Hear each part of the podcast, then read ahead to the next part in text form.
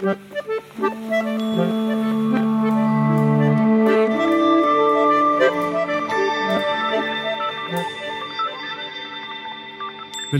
til podkasten Ytringsklima. Her snakker vi om, sammen om hvordan folk snakker sammen på jobb.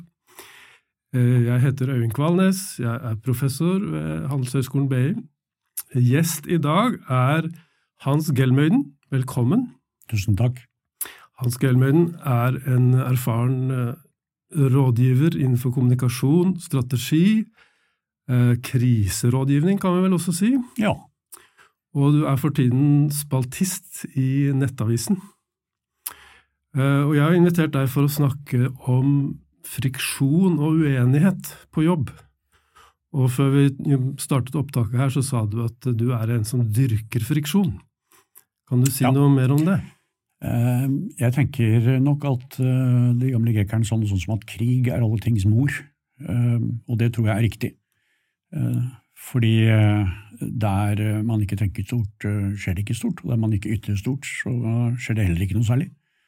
Og Da er det jo veldig relevant da, å diskutere hvordan man kan kommunisere på en sånn måte at det blir minst mulig krig og mest mulig fremgang. Nettopp. For eh, når det er fravær av friksjon, så sklir alt bare igjennom. Uten Ja, det at det møter noen motstand. Ja, Det er jo helt sløvt. det er helt sløvt. Ja.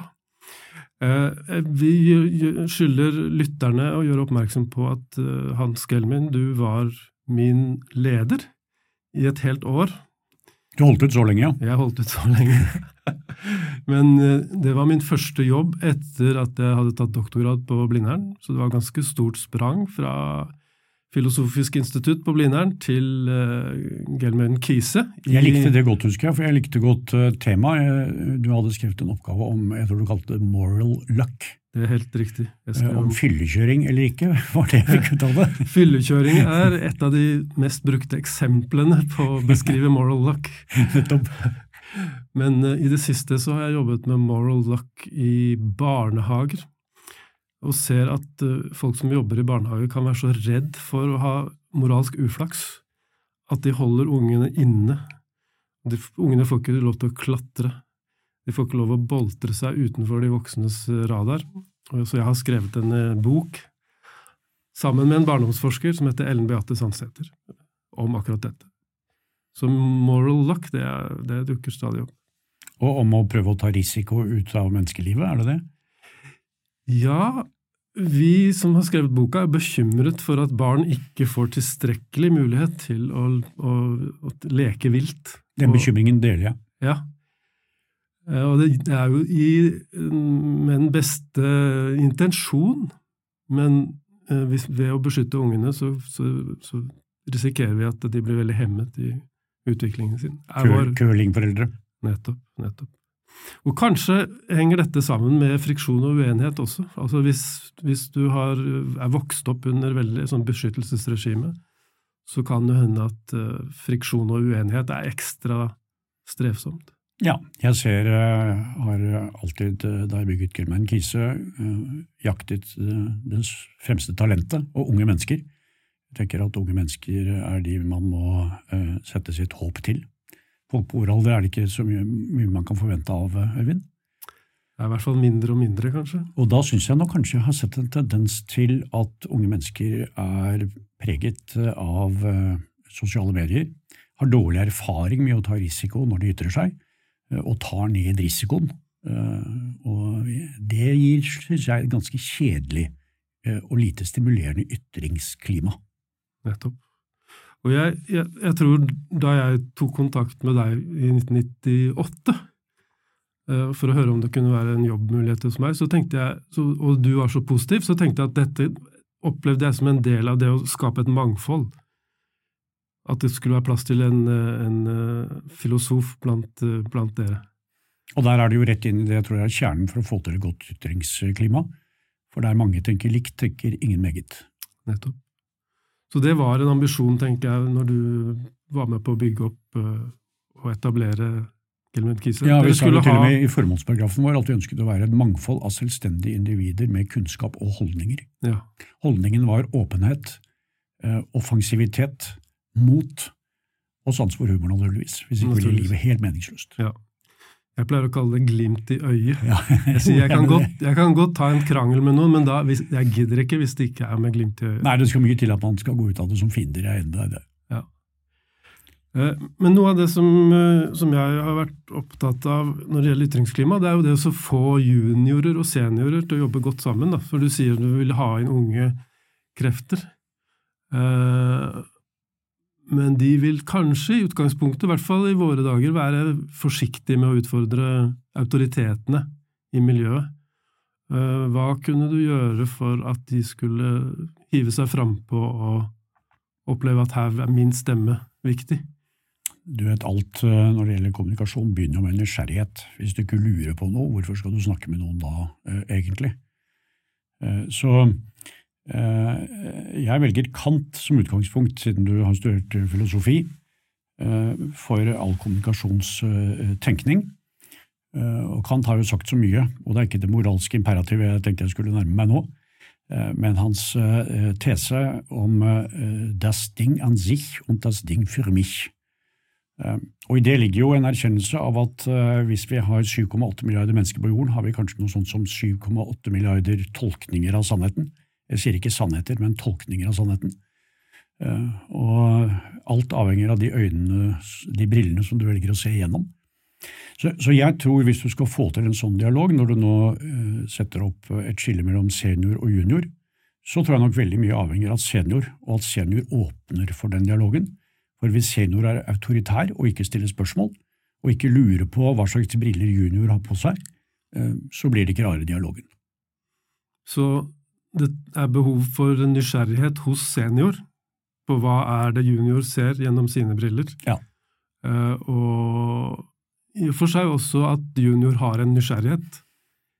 Ja, men jeg legger mye vekt på senior. Jeg tenker at eh, med årene kommer ansvar, og med senioritet så kommer makt, og da kommer ekstra mye ansvar. Eh, Så da er det faktisk seniors oppgave å pirre juniors nysgjerrighet Nettopp. gjennom gode spørsmål. Ja. Det er veldig mange eh, unge mennesker som ble ansatt i Gullmein Kise, som trodde at de ble ansatt fordi de hadde svar, men jeg sa alltid til dem at eh, du er ansatt her fordi jeg håper du har noen spørsmål. Nettopp. Det jeg har opplevd noen steder når jeg besøker organisasjoner, det er at det er krevende å få til den dynamikken mellom de erfarne og de som er eh, nye. Og at de nye kan være Så jeg tenker, er det strategisk lurt av meg nå å utfordre Hans på det han sier? Fordi han har tross alt makt over altså, hvordan det går videre i mitt, eh, min karriere. Så at de kan være fristet i utgangspunktet til å holde tilbake, selv om du kanskje har invitert dem til å være frampå og si hva de mener. Sånne kandidater tror jeg vi luket ut i rekrutteringsprosessen. Jeg tror ikke de fikk jobb hos oss. Nei. For sånne folk ville vi ikke ha. Nei. Vi hadde læringsløftet, jeg vet ikke om du husker det? Jo. Lærte du noe særlig hos oss, syns du? Først og fremst så traff jeg veldig mange spennende, interessante mennesker. Ja. Både blant kollegaene mine og blant de menneskene som jeg traff når vi var ute på oppdrag. Så, så jeg tenker jo at uh, hvis man skal lære, så må man nesten være nysgjerrig. Vi sjekket jo dette på mange måter. Vi ansatte folk som hadde dokumentert at de kunne lære. De kom fra de beste skolene og universitetene i Norge og utlandet. Det er i hvert fall et tegn på både at det er tankevirksomhet der, og at de har lykkes med å lære, og at de kanskje ville fortsette med det. Eh, Så det, det er for meg utgangspunktet for eh, denne dialogen, altså at den er lærende. Og hvis man kommer inn i en sånn dialog fordi man skal være taktisk og forsøke å manøvrere eller manipulere seg i posisjon, så gjentar jeg, da håper jeg virkelig at vi hadde luket dem ut i rekrutteringsprosessen, for sånne folk ønsket vi ikke å ha.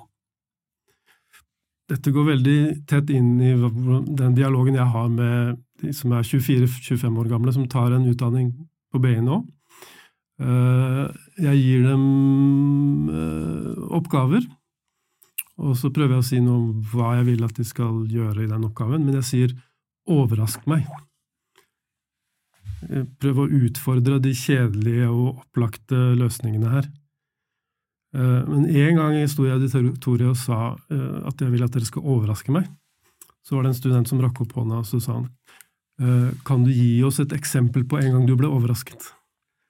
Han var på en måte ute etter malen for hvordan man skulle overraske Øyvind.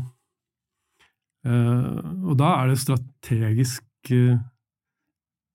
og liksom ambisiøse, strategiske unge mennesker som tenker at jeg må prøve å finne ut hva Men, men jeg ble alltid litt skeptisk. Jeg eh, var i en eh, diskusjon eh, på NRK nylig hvor svaret fra en såkalt professor ved en høyskole var at folk ville glemme fort, og at det bare gjaldt å handle taktisk. Jeg liker ikke det. Nei. Jeg tenker, og jeg liker egentlig ikke ordet strategi spesielt godt heller, fordi det misbrukes så ofte. Jeg skjønner at det er behov for det. Jeg er orlogskaptein i Sjøforsvaret selv. Jeg skjønner at det er behov for det i krig og strid.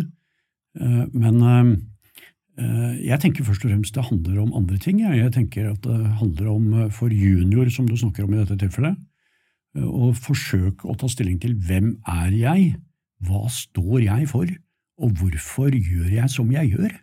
Det er jo mye mer basale spørsmål.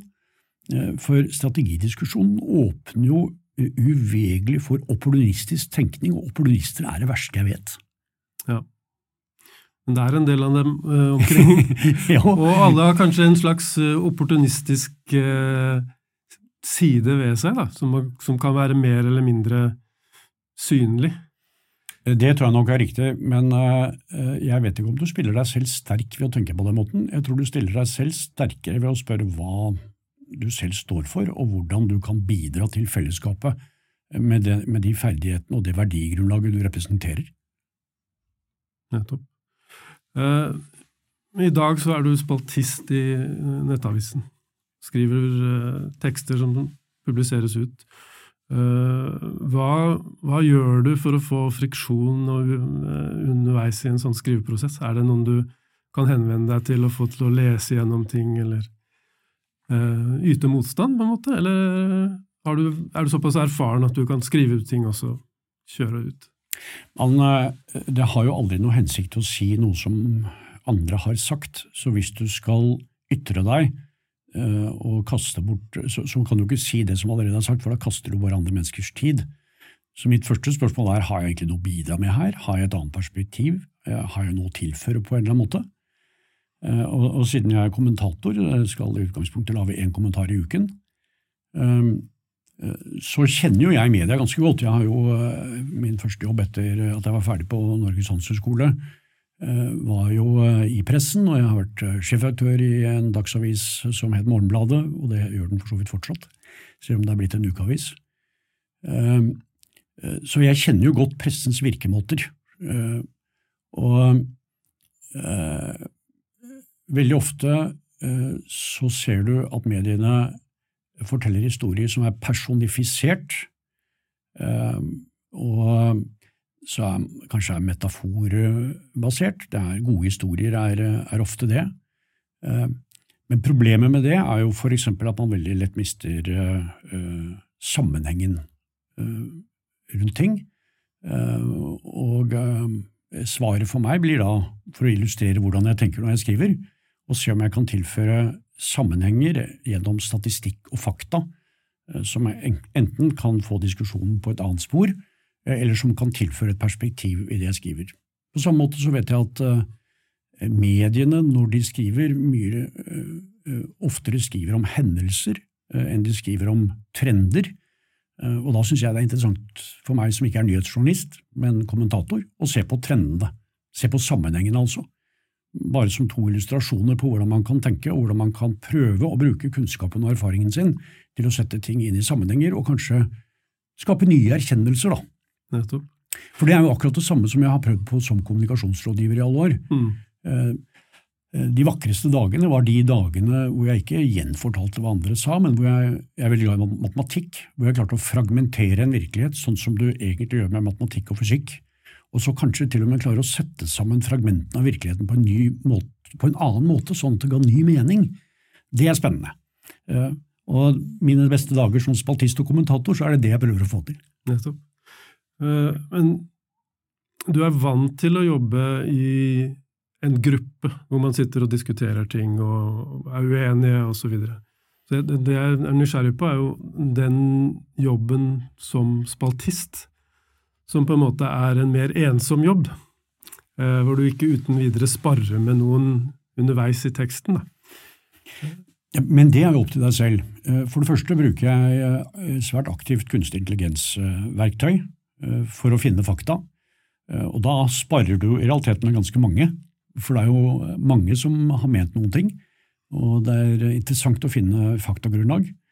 Eh, og så har jo jeg et av Norges største nettverk rundt meg, så jeg har jo alltid noen fornuftige folk å ringe til. Ja, dette er en advarsel, kanskje ringer jeg deg en dag. Nettopp. For jeg selv gjør jo en del av det samme når det gjelder å skrive ting, skrive tekster. Og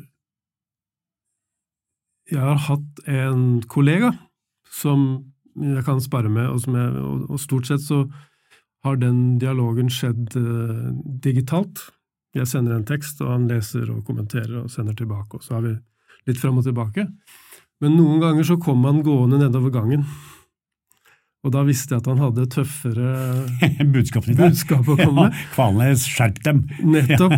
Så da hadde han en, et prinsipp som jeg likte veldig godt, og det var at eh, den, de skarpeste tilbakemeldingene de ønsket han å gi ansikt til ansikt. Ja for å være til stede, for å sjekke ut hvordan tar Øyvind denne kritikken her, hvordan kan jeg nyansere og, være sikker på at han skjønner hva jeg snakker om, osv. Eh, og det syns jeg er eh, klokt. Du vet, eh, Vi er jo vant til å tenke at det talte ord er kommunikasjon, men det er jo bare en liten del av kommunikasjonen. På en podkast hører du tonefallet. Jeg spurte deg er det TV der inne, og det er det ikke. Dermed blir også noe av kommunikasjonen borte oss imellom nå. Ja. Andre kan ikke si at du smiler nå, f.eks. Så kroppsspråket er jo så mye som 30-40 av kommunikasjonen din. Eh, så man er nødt til å se dette i en sammenheng, men jeg syns det var riktig klokt. Eh, selv om jeg har et stort eh, nettverk, så innbiller jeg meg jo ikke at alle i det nettverket vil meg vel nødvendigvis, men en del av dem vil meg vel. Og de som vil deg mest vel, er jo de som er mest oppriktige, og det er dem du skal snakke med når det er vanskelig. En ting som jeg også har lært i tilknytning til dette her, er at hvis jeg spør ti stykker om å kommentere på noe, og alle ti kan se at vi er ti stykker som har fått den henvendelsen fra Øyvind, så er sjansen stor for at ingen av dem egentlig tar den invitasjonen alvorlig. Mm. Da får vi en slags uh, tilskuereffekt, eh, hvor alle ti kan komme til å tenke at uh, jeg ser jo at Øyvind har spurt ni andre, og jeg har ikke tid til å sette meg ordentlig inn i dette nå men det er sikkert en, de ni andre har sikkert det. Så vi risikerer å miste noe ved å henvende oss til ti stykker i nettverket, da. i hvert fall ved å synliggjøre at uh, vi er en hel flokk her som har fått uh, denne henvendelsen.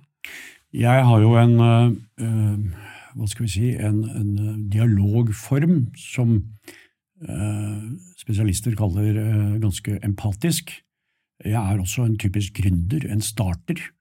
Eh, og vi gründere eh, vi ser ikke først og fremst på nedsidene, vi ser først og fremst på oppsidene.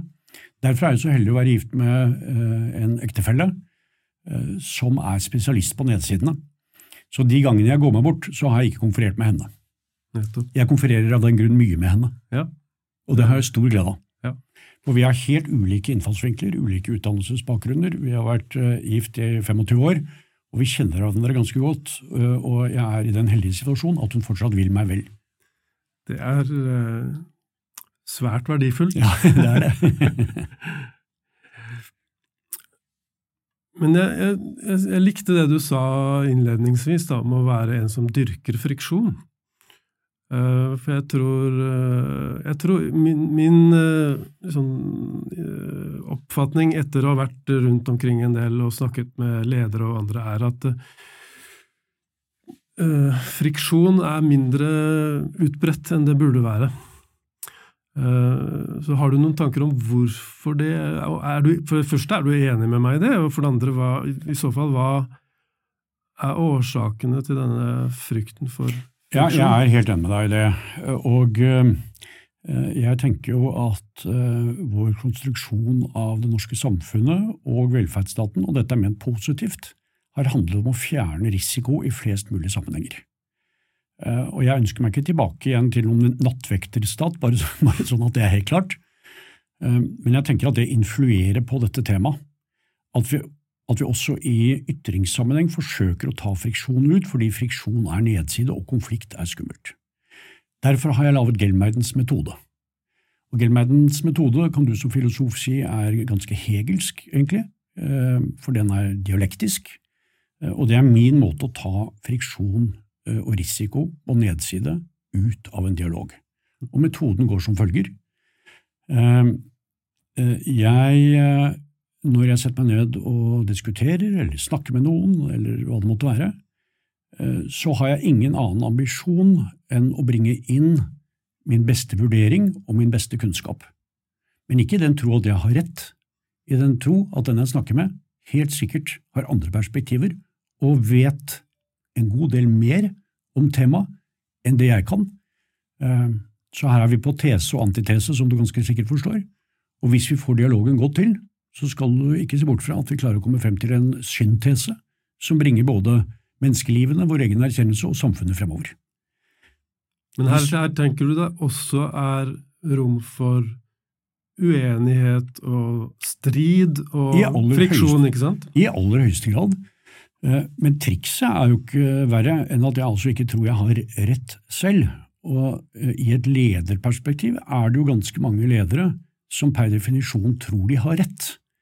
Fordi de har ofte kanskje levd lenger enn eh, sine kolleger, de har kanskje vært i firma lenger, eh, men det betyr jo ikke at de kan mer om eksempel ny teknologi, nye mennesker, nye politiske temaer. Så man må altså erkjenne at det nesten alltid er slik at andre kan mer enn en selv om noe, og at man av den grunn, om man ikke nødvendigvis tar feil, så vet man ikke nok. Så Gelmans metode handler bare om å ta ned risiko for seg selv og det kan man få til hvis du har antenneapparatet på, og klarer å lytte til hva den andre sier, sånn at du selv kan komme videre med din egen kunnskap og ditt eget liv. Da er det ikke så skummelt mer. Og hvis du har tråkket over, og jeg har jo gjort det i en del tilfeller selv, man kan tråkke over på mange måter, man kan tråkke over selvfølgelig med feil faktagrunnlag, man kan tråkke over fordi man blir for uh, ivrig, man kan tråkke over med sjofel ordbruk, så er det normalt slik i det norske samfunn at man kan be om unnskyldning, og jeg har vel nesten aldri opplevd ikke å få tilgivelse. Nettopp. Jeg syns dette var eh, kloke ord. Eh, Hans Forbausende, klok. Forbausende kloke ord. Men um, jeg tenker jo også Jeg har blitt inspirert av en setning fra Arne Næss. Jeg har satt meg ned og leste om igjen hans bok Livsfilosofi. Og Der er det en setning hvor han sier at i en atmosfære av vennlighet så kan man tåle mye fra andre. Ja. Og det syns jeg er en veldig kraftfull, flott uh, setning. Uh, hva, hva, slags tanker får du når du hører den setningen? Nei, Jeg er enig i at det er en, eh, det er en flott setning.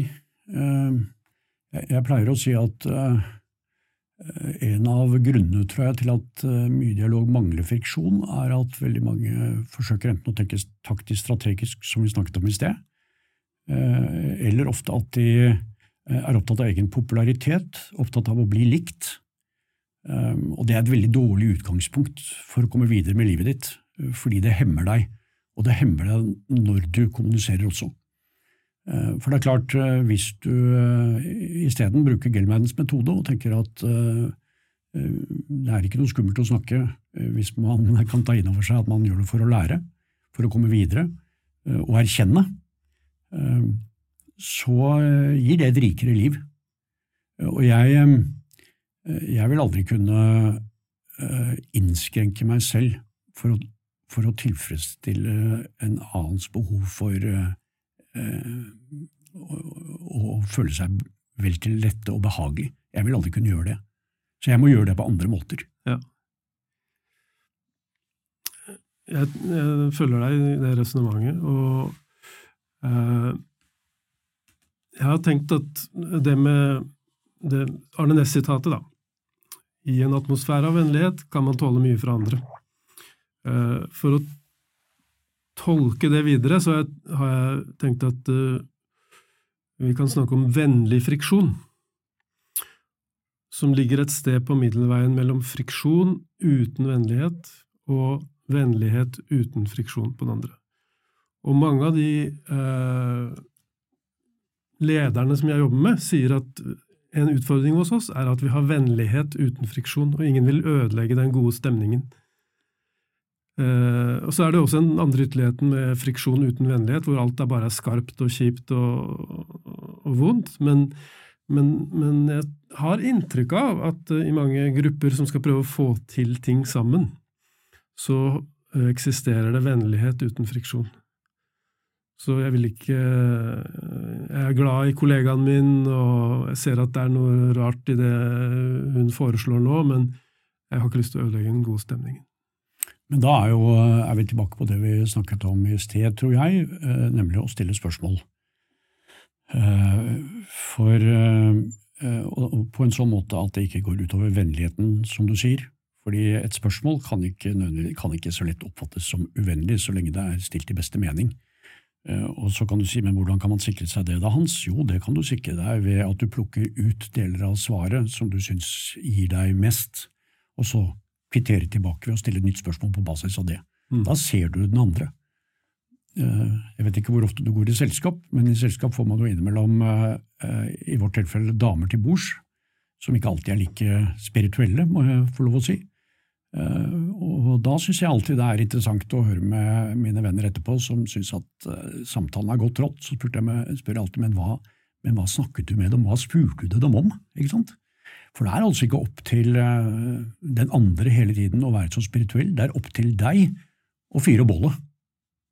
Eh, når det gjelder eh, atmosfære av vennlighet, som du er inne på, så er det jo riktig som du sier at antitesen er jo en uvennlig situasjon.